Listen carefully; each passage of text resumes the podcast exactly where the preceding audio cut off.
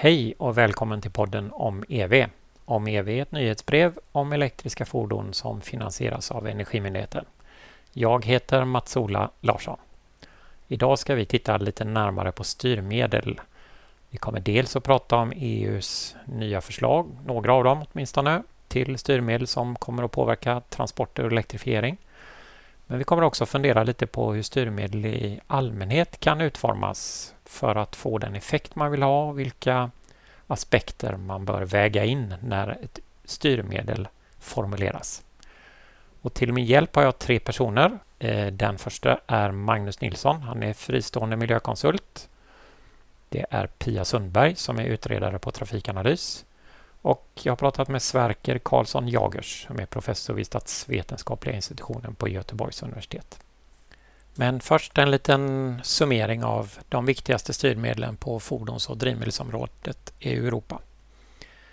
EU har beslutat om målsättningen netto noll eh, klimatpåverkan 2050 och som etappmål är det 55 minskning till 2030 jämfört med den nivå som gällde 1990 i EU. Och för att nå det här politiska målet så presenterade EU-kommissionen i juli månad ett paket och det kallas då följaktligen 55% paketet eller Fit for 55 på internationell engelska. Några av de viktiga förslagen där, man vill eh, att sjöfarten inkluderas i EUs utsläppshandelssystem och skärpa kravet på flyget som delvis ingår i utsläppshandeln idag. Knappt hälften av klimatutsläppen i EU regleras idag i utsläppshandelssystemet och resten ingår i något som kallas ansvarsfördelningen. Det innebär att varje land har ett visst krav på sig att minska utsläppen. Eftersom EU har skärpt klimatmålen så kommer ju också det här ansvarsfördelningen att skärpas så att varje land får tuffare krav än idag. Där ligger vägtransporternas utsläpp och då föreslår EU-kommissionen att man inför en, ett separat handelssystem för utsläpp från vägtransporter och bostadsuppvärmning. Det där vill man införa 2026 och syftet med ett sådant system skulle vara att säkerställa att det verkligen blir en minskning från de här sektorerna. Något som har visat sig svårt idag, i vissa länder åtminstone. Eh, inför man dem i en utsläppshandelsbubbla och sänker tilldelningen av utsläppsrätter, då säkerställer man ju att utsläppen verkligen sjunker. Det här vill man reglera genom att drivmedelsdistributörer får handla med utsläppsrätter. Här ser då EU-kommissionen risk för att en gemensam handel skulle kunna drabba låginkomsttagare hårt och då kanske särskilt i låginkomstländer. De har ju så pass mycket lägre betalningsförmåga. Och risken är ju att välbeställda länders bilförare har betalningsvilja för drivmedel som gör att priset blir smärtsamt högt för de minst välbeställda inom EU. Så här föreslår EU-kommissionen olika fonder för att kompensera och driva teknikutvecklingen för att lindra eller förebygga sådana här effekter. Man föreslår också betydligt skarpare krav i direktivet som styr utbyggnaden av alternativa bränslen inom EU. Och där föreslår EU-kommissionen att medlemsstaterna måste se till att det finns laddställen, snabbladdning för både lätta och tunga fordon, att det finns möjlighet att tanka vätgas till bränslecellsfordon och att det finns flytande metan till den typen av fordon. Och de här kraven specificeras då med vilken typ av tankställen, vilka effekter, kapacitet och hur tätt det ska vara mellan de här tankställena och laddställena. Man föreslår också skärpta krav på utsläppen från nya personbilar. Dagens krav på personbilar och lätta lastbilar är att utsläppen 2025, alltså medelvärdet av koldioxidutsläpp från personbilar, ska vara 15 procent lägre än nivån i år 2021. Det kravet föreslår EU-kommissionen ska skärpas från 15 till 55 procent för personbilar och 50 procent för lätta lastbilar. Alltså 50 respektive 55 procent lägre 2025 än nivån som uppnås i år i medeltal hos nysålda bilar. Och till 2035 föreslår man nollutsläpp som krav. Alltså då blir det i praktiken enbart elfordon som får lov att säljas. Personbilar och lätta lastbilar. I Sverige har vi ju dessutom eh, en klimatlag och vi har eh, ett delmål där om att minska utsläppen från transporter med 70 procent till 2030 jämfört med 2010 års nivå. Och för att nå det här målet så har vi en reduktionsplikt men vi har också bonus-malus fordonsskatter, vi har bidrag för inköp till tunga elfordon, vi har stöd till laddinfrastruktur och investeringar i biogas och mycket annat. Det var den korta versionen av några av de viktiga styrmedlen och nyheterna. Och nu ska vi lyssna på våra inbjudna experter och först ut är miljökonsulten Magnus Nilsson.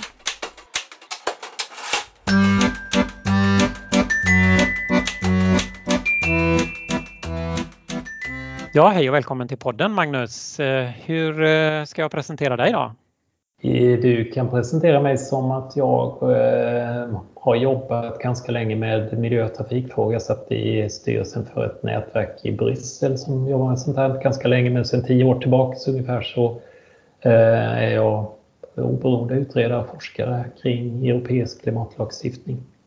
Oberoende forskare, du får lite finansiering från olika håll då? gissar jag. Jag jobbar med en del forskningsstöd, eh, myndigheter, lite grann åt företag.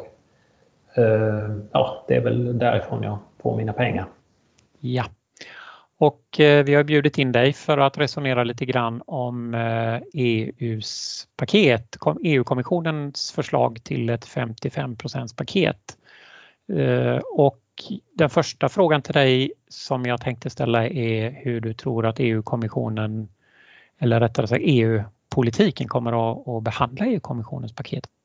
Ja, alltså det har ju redan vaknat ganska många aktörer som eh, har synpunkt på sånt som på, påverkar dem själva. Grejen är ju att, att eh, kraften i det här paketet är egentligen fastslaget redan i den klimatlag som, som parlamentet och regeringen antog tidigare i år. Så att det kommissionen gör nu det är att leverera förslag på hur man kan uppfylla den här lagen.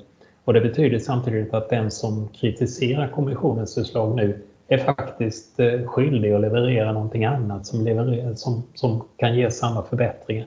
Men det är många delar i det här som eh, är väldigt kontroversiella och sen är det många delar som hänger ihop, alltså olika lagstiftningar som måste funka ihop så att eh, det är ett, en rätt så besvärlig beslutsprocess som ligger framför oss.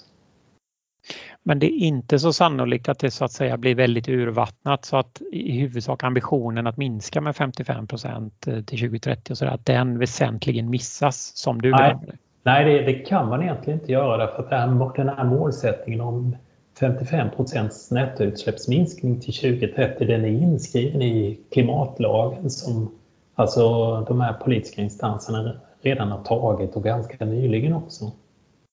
När vi nu närmar oss personbilar, vi ska prata mest om styrmedel för bilar här, eh, så eh, finns det ju förslag till eh, i princip nollutsläppsfordon 2035. Är det här ett bra förslag eller hur borde ett bättre system se ut om det inte är bra? Ja, jag tycker det här är ett jättebra förslag och det tror jag egentligen att inte minst biltillverkarna egentligen tycker också. Eh, för att nu får man ett, ett tydlig, en tydlig tidpunkt och ett väldigt tydligt krav på sig eh, vartåt man ska driva utvecklingen. Eh, jag tror att 15 år är ganska väl avvägt också. Det är liksom nästan en hel bilgeneration och det ger gott om tid för industrin att göra den ganska stora omställning som det kräver. Samtidigt är det ju en del från miljöhåll som tycker att gott om tid är ju det enda vi inte har och vi borde ställa om tidigare och utfasningsutredningen som lades till den svenska regeringen här tidigare i somras. Den föreslog ju att den svenska regeringen ska ligga på EU för att kräva nollutsläppsfordon 2030 i sitt förslag, betänkanden som de la fram då.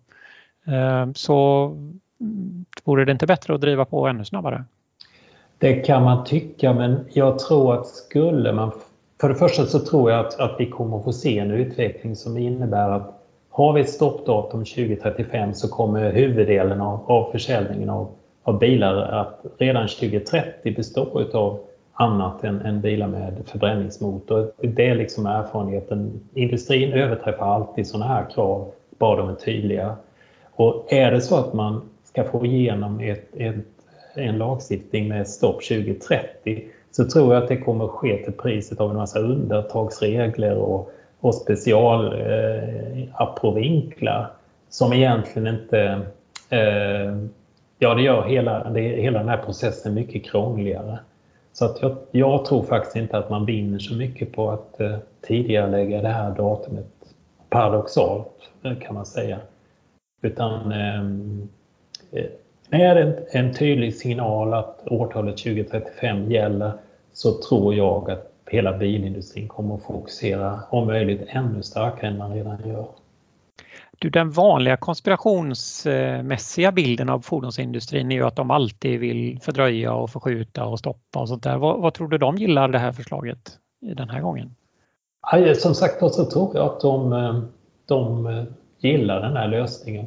Tydliga signaler. De vet oss, alltså, jag brukar säga att få ingenjör pengar och lite tid på sig kan de göra vad som helst. Då. Nu, nu vet de precis vilka ramar de har att följa och, och därför så tror jag att eh, det här passar ganska bra för att genomföra den här omställningen. Utöver det här, det här är ju ett tydligt krav, det är på fordon men de ska ju tankas och laddas på något sätt. Så där, va? Så du nämnde det när vi pratades vid lite innan här. Det finns ett annat väldigt viktig del i det här eh, paketet. Ja, det är, det. Där, alltså, vi har ett dag, idag ett ganska vagt eh, direktiv som handlar om alternativa drivmedel Eh, där ansvaret väldigt mycket ligger på medlemsstaterna. Eh, ska vi, alltså för att, att man ska få ett, ett nytt eh, eh system att fungera med, med elektriska bilar eller vätgasbilar så måste man ha en infrastruktur. Och den infrastrukturen är mycket svårare att rulla fram. Det är ett mycket mer komplicerad förändring än att eh, ändra bilarna. Och nu, nu föreslår kommissionen att man ska införa en tvingande lagstiftning som, som gör, länderna, gör det skyldigt för länderna att rulla ut en, en laddinfrastruktur med en viss täthet. Och det, det är ju en minst lika viktig lagstiftning för den här omställningen som den som bara gäller bilar. Mm. Jag tittade lite på vad det står i det där direktivet och de fokuserar ju på laddinfrastruktur för både lätta och tunga fordon. De, eh, de har med regler om att det ska vara alltså användarvänlighet för eh, laddarna, brukarna också i form av eh, betallösningar och vad det nu är. Men där är ju också mycket kring vätgas och även flytande metan, alltså biogas eller naturgas till tunga fordon.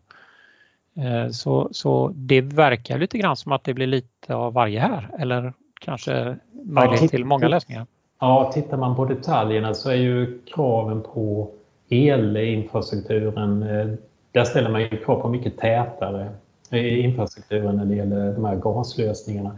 Sen, ska, sen en, en aspekt i det här sammanhanget är, det handlar om, om, om den gemensamma marknaden. Att om man ska kunna köra en, en gaslastbil var som helst i EU, vilket krävs för att man ska kunna upprätthålla den här gemensamma marknaden, då måste man få ut den här infrastrukturen ganska raskt och koordinerat på något sätt. Och det gör det också nödvändigt med en sån här europeisk lagstiftning.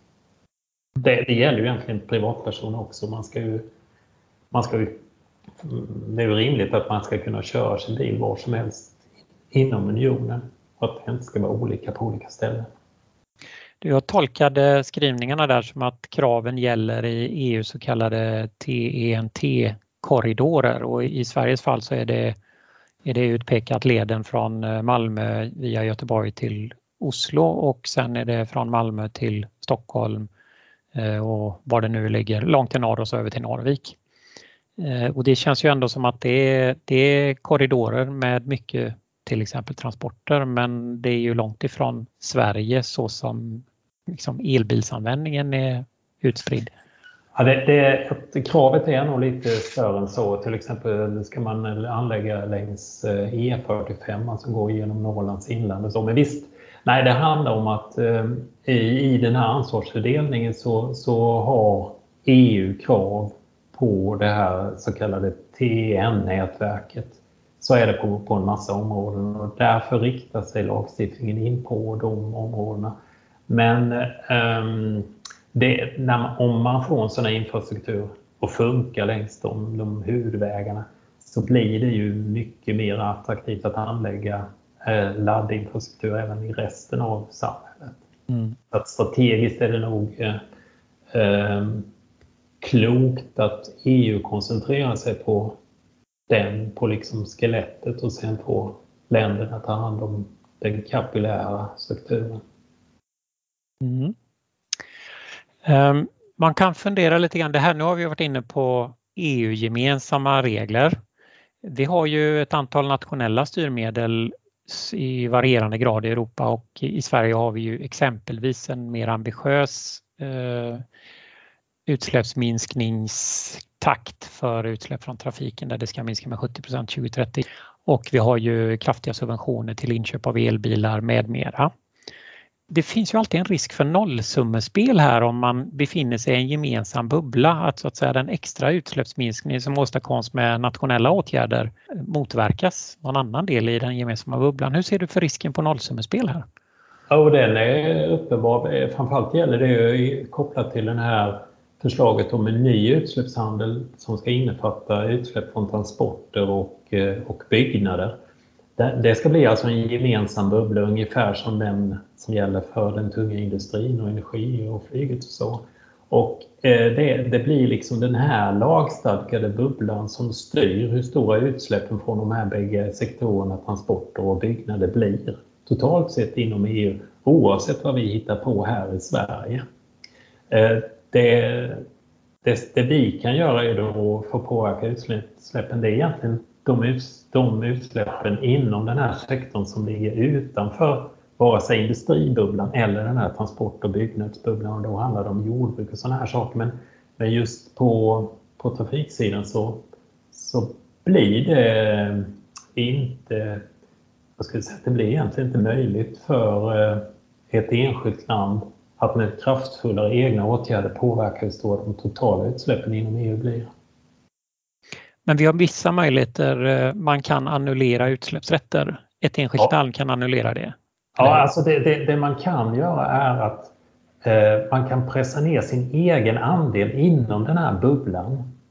Och då sjunker ju de, de sammanlagda utsläppen utanför den vanliga utsläppshandeln på det viset. Sen kan man annullera den här överprestationen. Det kan ett, ett land göra och det gör Sverige. Ganska, knep, ganska knepigt detta, men det, men det är alltså inte mm. så enkelt som att eh, eh, bara vi minskar utsläppen här så kommer de samlade utsläppen att minska. Så funkar det inte när man är inne i EU-politik. Um, och sen är det här systemet då att enskilda länder annullerar, det är också politiskt beroende av majoriteter i det enskilda medlemslandet vid just den tidpunkten. Vad de så, är, så är det alltså. Den nuvarande, man, den nuvarande regeringen gör ju sådana här annulleringar. Det är den enda regeringen i hela EU som gör det. Så att när vi överpresterar mot EU-lagstiftningen då, då annullerar gentemot det krav som lagstiftningen ställer på Sverige, då annullerar vi det. Eh, jag gjorde en enkät med eh, partierna före valet 2018 och eh, då är det de som nu är ska vi säga, högeroppositionen, alltså KD, Moderaterna, Sverigedemokraterna, de är antingen emot eller eh, är väldigt otydliga om de tänker annullera en sån här överprestation. Så att eh, det hänger lite på vilken majoritet vi kommer att få här i Sverige också. Mm. En annan fråga om det här, eh, om vi vänder oss från politiken, och vad, vad, vad, tror du den europeiska miljörörelsen, lite kort sådär, vad, vad tycker de om det här, de förslagen som nu har lagts? De har varit väldigt positiva till det här stoppet för eh, bilar med förbränningsmotor och eh, i huvudsak positiva till de här kraven på utbyggd infrastruktur. Däremot har de varit kritiska till det här förslaget om en utsläppsbubbla för transporter och byggnader. Och, och, så är det väldigt mycket nere på kontinenten, även på det politiska området. Man tror alltså att en sån här bubbla kommer att driva upp priset på bensin eller på, också på... Man använder mycket kol för individuell uppvärmning nere på kontinenten och det här kan, är man rädd, ska slå mot eh, låginkomsttagare, att man ska få revolter, typ de gula västarna. Eh, det, det där ligger kvar. Det här kritiseras till exempel av de gröna i i eh, Europaparlamentet. På miljösidan, vad miljöorganisationer har jag kanske märkt att man lite har tonat ner den kritiken därför att man har ingen alternativ åtgärd egentligen. Hur ska man minska utsläppen annars? Än med en sån här utsläppsbubbla som sätter tak på utsläppen. Eh, hittills har det inte funkat att låta länderna sköta detta på egen hand. I Sverige finns det en del som eh, argumenterar för att eh, om vi vill påskynda den här introduktionen och underlätta och sådär, då, då, vi har ju mycket som underlättar introduktionen för nybilsförsäljning. Men sen när bilen kommer ut på andrahandsmarknaden och köps av andra eller tredje användaren och sådär, så är det inte samma typ av styrmedel där längre. Ehm, hur ser du på det där att man liksom skulle göra det kanske billigare att parkera eller det ska vara riktigt billigt att köra en elbil så att det blir gynnsamt? Jag vet inte om det egentligen behövs sådana där åtgärder om man nu, om man nu tvingar biltillverkarna att gå över till, till eh, elbilar så måste de ju på något vis övertyga kunden om att köpa de här bilarna. Eh, så att jag är inte säker på att eh, man behöver ha några sådana där stimulanser. Jag, jag, jag förstår att bilhandlarna eller så tycker det är kul men ur samhällets synvinkel är jag inte säker på att det är så viktigt faktiskt. Det, det, är ju redan så idag att den här europeiska lagstiftningen den, den tvingar ju biltillverkarna att sänka snittutsläppen från det de säljer. Och till en rätt stor del så löser biltillverkarna detta genom att dumpa elbilar på marknaden som då bokförs för nollutsläpp och på så sätt kan man få ner snittet. Jag tycker kanske inte att man behöver så mycket andra sådana här fringisar för att få det här att hända. Så om du skulle summera lite grann hur du ser på det här eh, e EU-paketet i stort, vad är dina reflektioner? Alltså jag tycker ändå att man måste säga att EU, det här som har drivits fram inom EU-apparaten är väldigt ambitiöst och eh, eh, ligger i mitt huvud i stort sett i linje med Parisavtalet. Men konsekvensen är att vi nu står inför ganska kraftfulla förändringar och omställningar och det kommer att bli reaktioner och det kommer att bli konflikter innan hela det här lagstiftningspaketet har, har gått i mål. Men eh, det är bara att hålla tummarna för att så mycket som möjligt av det här överlever för att det mesta är väldigt, väldigt bra tycker jag.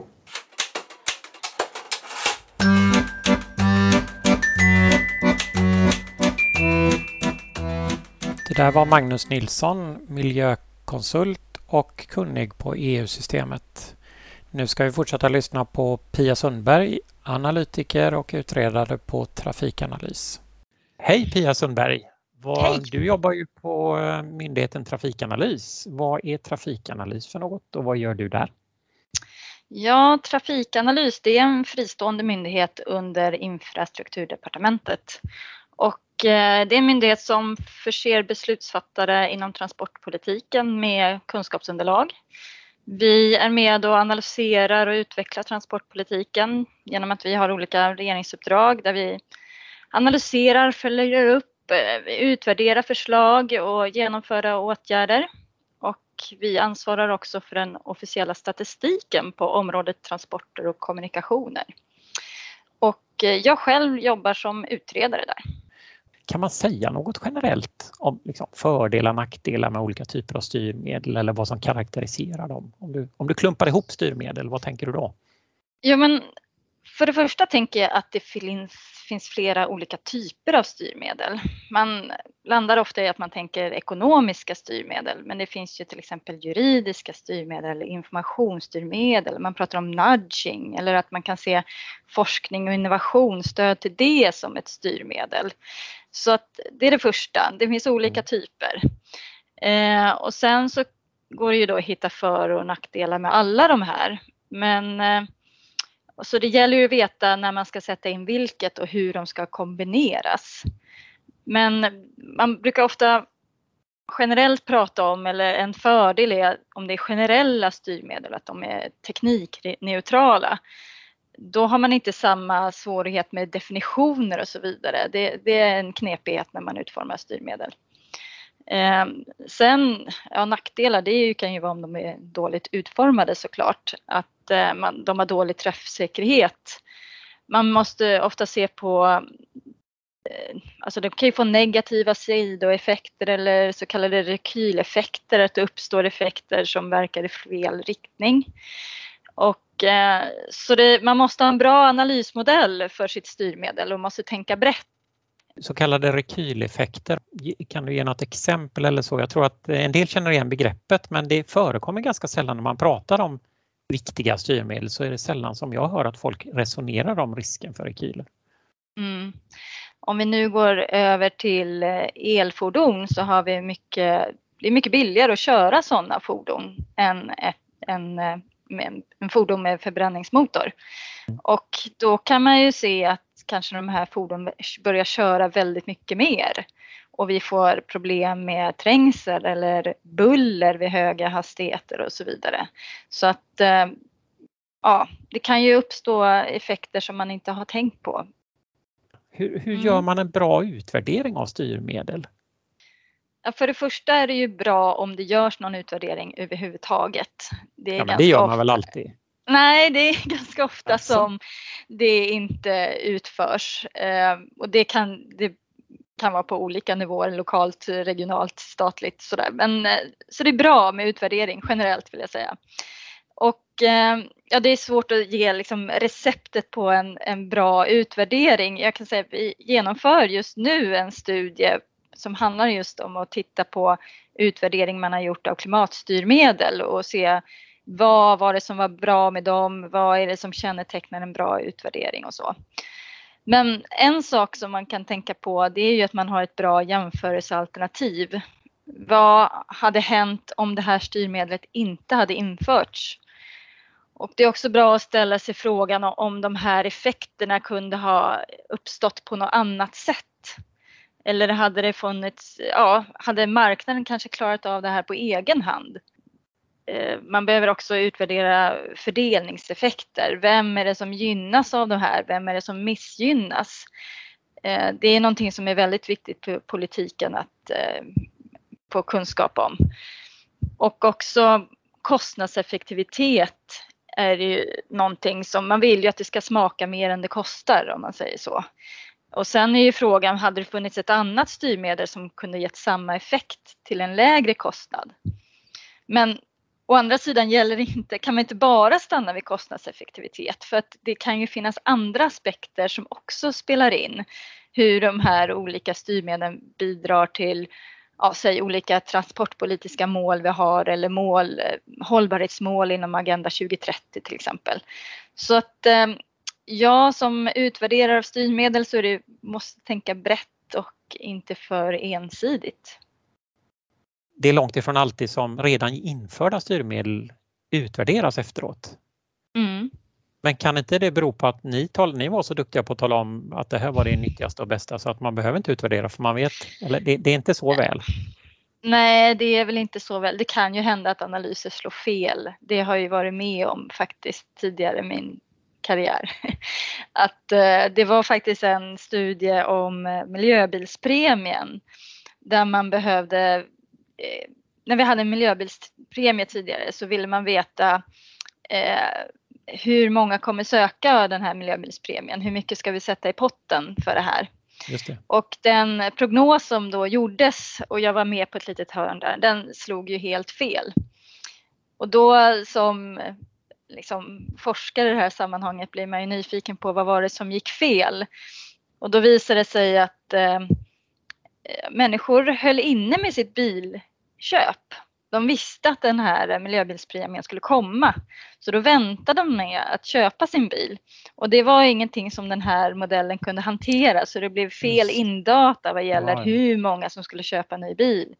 Och sen blev det fel i indata med vad det skulle finnas för typ av fordon på marknaden. Det kom betydligt större utbud av dieselbilar i olika former än vad man hade antagit i den här analysen.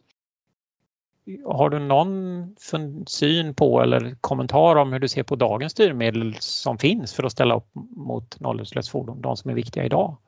Ja, men det var en bra fråga och just den frågan har faktiskt regeringen ställt till oss också. Vi har nu fått i regeringsuppdrag att vi ska titta på dagens styrmedel och eh, analysera dem och föreslå om de kan justeras på något sätt för att vi ska kunna gemensamt då nå de här klimatmålen vi har för transportsektorn och Sverige som helhet.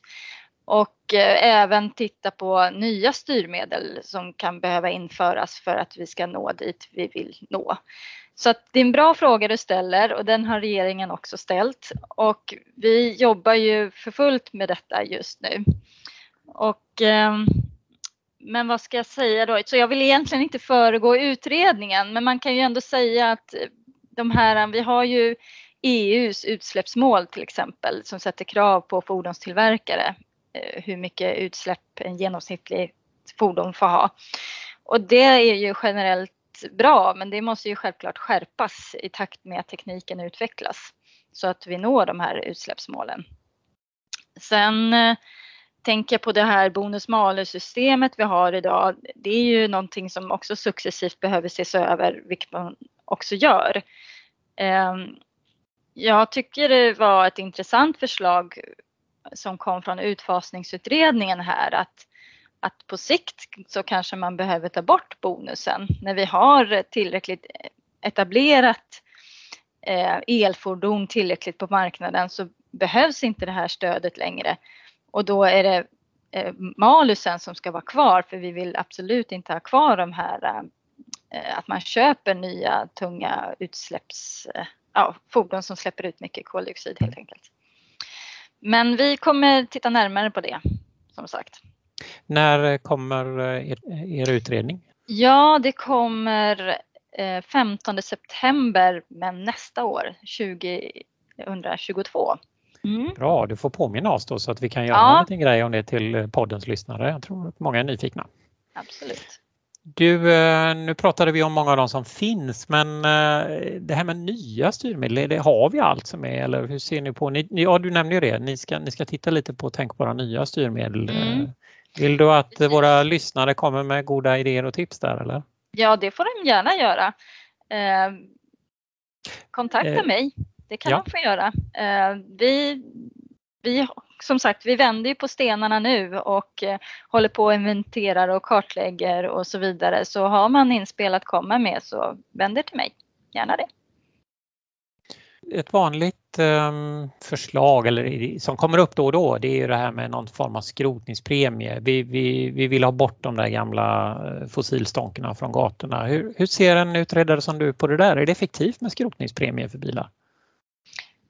Ja, då säger jag ju som utredare att det kan jag inte svara på direkt. Jag måste få analysera och vända och vrida lite på det här. Eh, det handlar ju om dels hur det utformas och hur det finansieras, en sån här sak. Så det är inte helt självklart att det skulle vara effektivt och det handlar också om eh, Ja, men vad, vad, skulle vara alternativet vara? Eh, att bilar går längre, är det bättre än att Eh, eller vad är bäst? Att skruta, skrota ut dem eller låta dem gå lite längre eh, och inte slösa resurser på nya fordon mm. och så vidare. Så att det är en inte helt enkel fråga att besvara bara rakt av utan det kräver sin utredning. Eh, du Pia, nu har vi pratat lite grann om olika aspekter av styrmedel och eh, bara som en sista fråga här om du vill summera vad, vad är det viktigaste för någon, till exempel ett, en regering eller ett EU-samfund som vill utforma styrmedel? Det är ju viktigt att tänka på vad, vad är det vi vill uppnå med det här styrmedlet. Men man måste också tänka på med vilka andra effekter uppstår på grund av, av det här styrmedlet. Måste man är det någonting som kanske behöver styras bort med någonting annat då? Att man behöver kombinera med ett annat styrmedel? Eller var det faktiskt en dålig idé från början? Så att inte tänka för smalt utan tänka brett.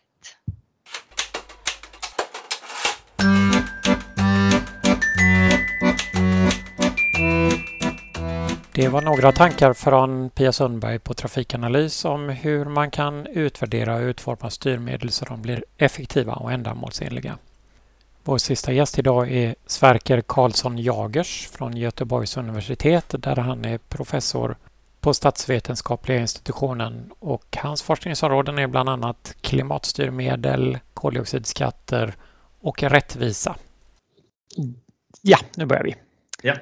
Sverker Karlsson Jagers, vem är du och vad jobbar du med? Ja, jag är professor i statsvetenskap på Göteborgs universitet jag förestår ett eh, forskningscenter som heter CCAR, Center for Collective Action Research.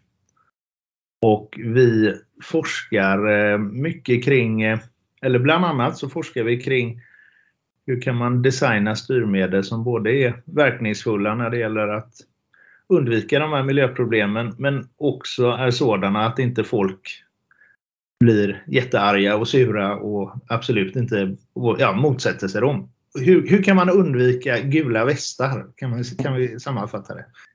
när många av de länder som nu eh, står inför att, eller i alla fall överväger att införa koldioxidskatter för att kunna leva upp till sina commitments i, i Parisavtalet, så har man i, i många fall enorma subventioner på fossila bränslen. Och då är kanske frågan, den första frågan de behöver ställa sig snarare, hur, hur sjutton ska vi göra för att göra oss av med, med de fossila subventionerna innan man ens kan införa en koldioxidskatt?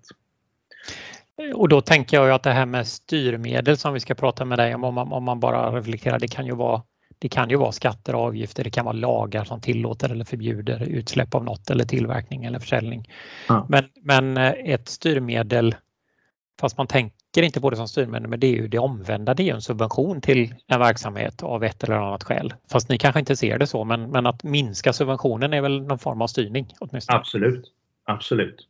Okay. Eh, men, men det här är, jag, jag vågar nästan påstå att det är väldigt outforskad mark. Vad, alltså ekonom, man kan räkna på vad liksom välfärdsvinster och förluster eh, skulle vara av att minska en, en eh, subvention. Eh, och den pekar ju, alla sådana beräkningar jag har sett pekar ju i en riktning att skulle man minska subventionerna skulle också användningen av fossila bränslen minska är ganska avsevärt. Så jag har sett siffror på att tog man bort alla subventioner som finns på fossila bränslen eh, runt om i världen så skulle förmodligen eh, utsläppen minska med någonstans mellan 25 och 30 procent bara genom att ta bort subventionerna. Och då frigörs ju enorma summor pengar. Och kan man påvisa att de här pengarna kommer att användas eh, till andra ändamål, sjukvård, eh, eller skola eller vad det nu kan vara. Så inbillar man sig i alla fall att det skulle öka stödet för att ta bort de här subventionerna. Och, och vi har precis börjat studera den här typen av frågor eh, i, i centret. Kan du säga någonting lite kort om hur du ser på vilka faktorer som påverkar acceptansen hos olika grupper? Alltså, Eh, jag har huvudsakligen studerat allmänheten, liksom, om vi tar skatter, skattebetalares syn på, på det här. Och det är inte sådär jättestora skillnader mellan kvinnor och män till exempel. Eh, det kan vara något enstaka styrmedel där eh, kanske kvinnor är något, något mer positiva än män. Eh, utan de skillnader vi kan se när det gäller kön är huruvida man tycker miljöfrågan är viktig, om man är orolig för miljö, om, om man tycker att samhället borde göra någonting. Då är kvinnor betydligt, eh, vanligtvis betydligt mer positivt inställda än män. Men när man kommer ner sen på specifika styrmedel så ser vi inte riktigt så stora könsskillnader längre. Och eh, inte heller något så här helt enhetligt mönster när det gäller inkomstnivåer. Eh, man skulle tro att det framförallt är de som tjänar minst som, som är negativa till exempel till en koldioxidskatt för att, att eh, ja, men det skulle drabba dem mer än vad det drabbar någon som tjänar mycket om bensinen blir dyrare.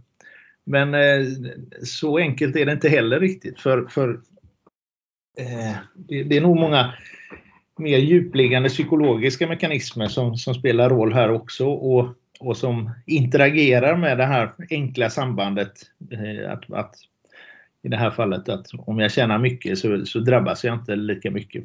För tjänar man mycket så kanske man har vissa drivkrafter eh, inom sig eh, som också eh, blir störda av om, om staten blandar sig i eller går in och reglerar. Så det är inte riktigt så enkelt.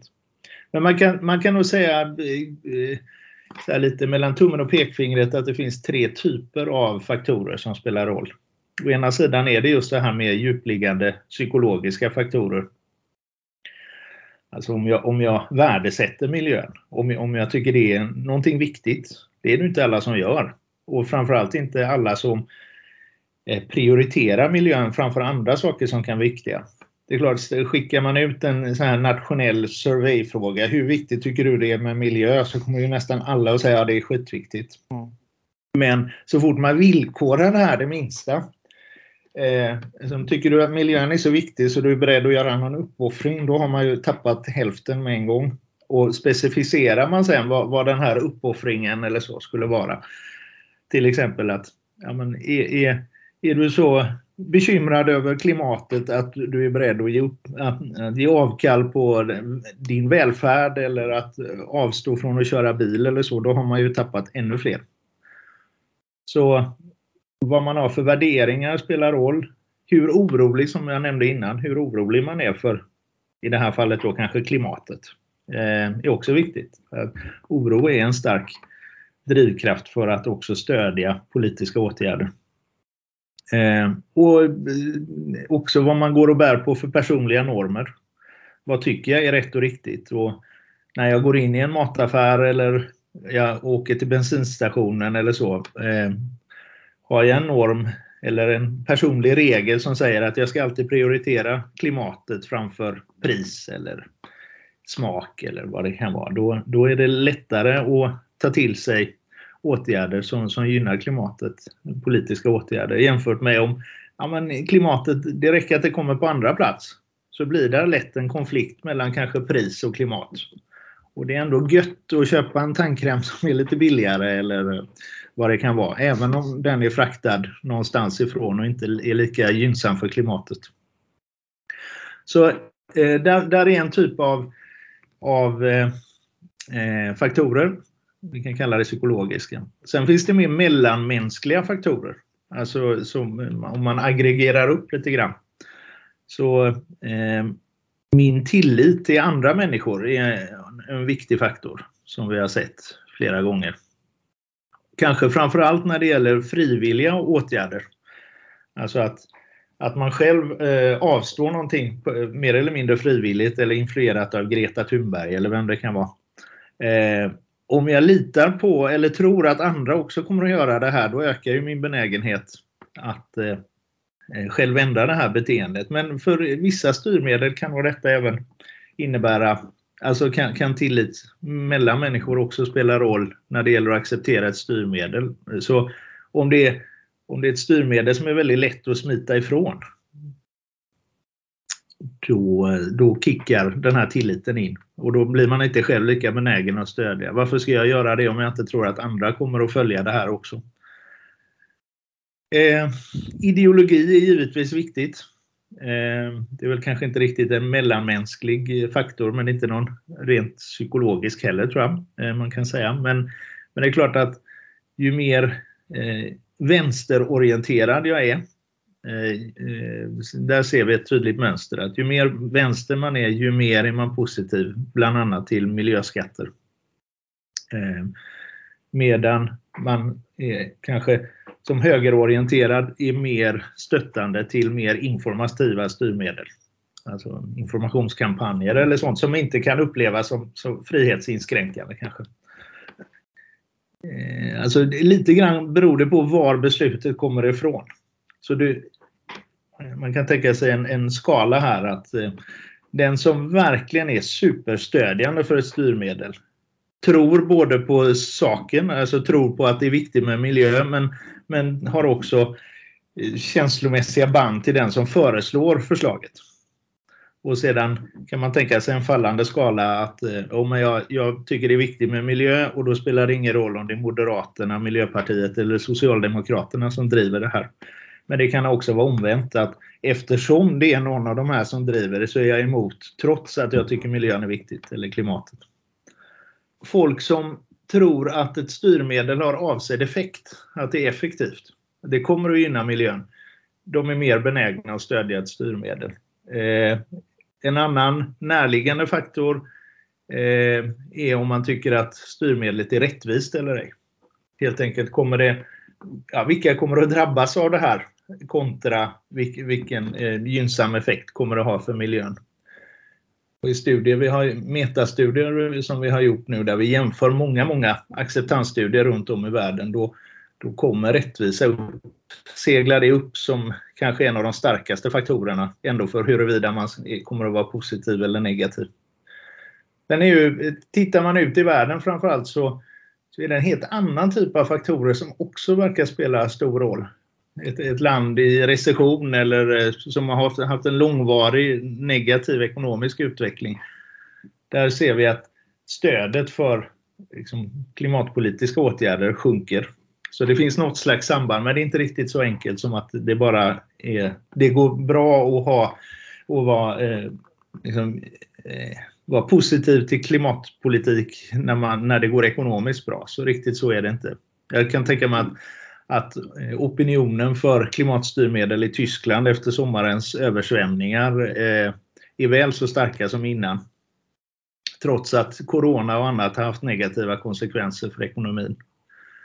Men en faktor som jag verkligen vill lyfta fram det är en annan aspekt av förtroende och det är liksom förtroende för politiken, förtroendet för staten i grund och botten. Eh, och har man lågt förtroende för staten och dess politiska institutioner och så, då sjunker också stödet markant för de flesta klimatpolitiska styråtgärder. Och det är kanske mindre av ett problem i Sverige.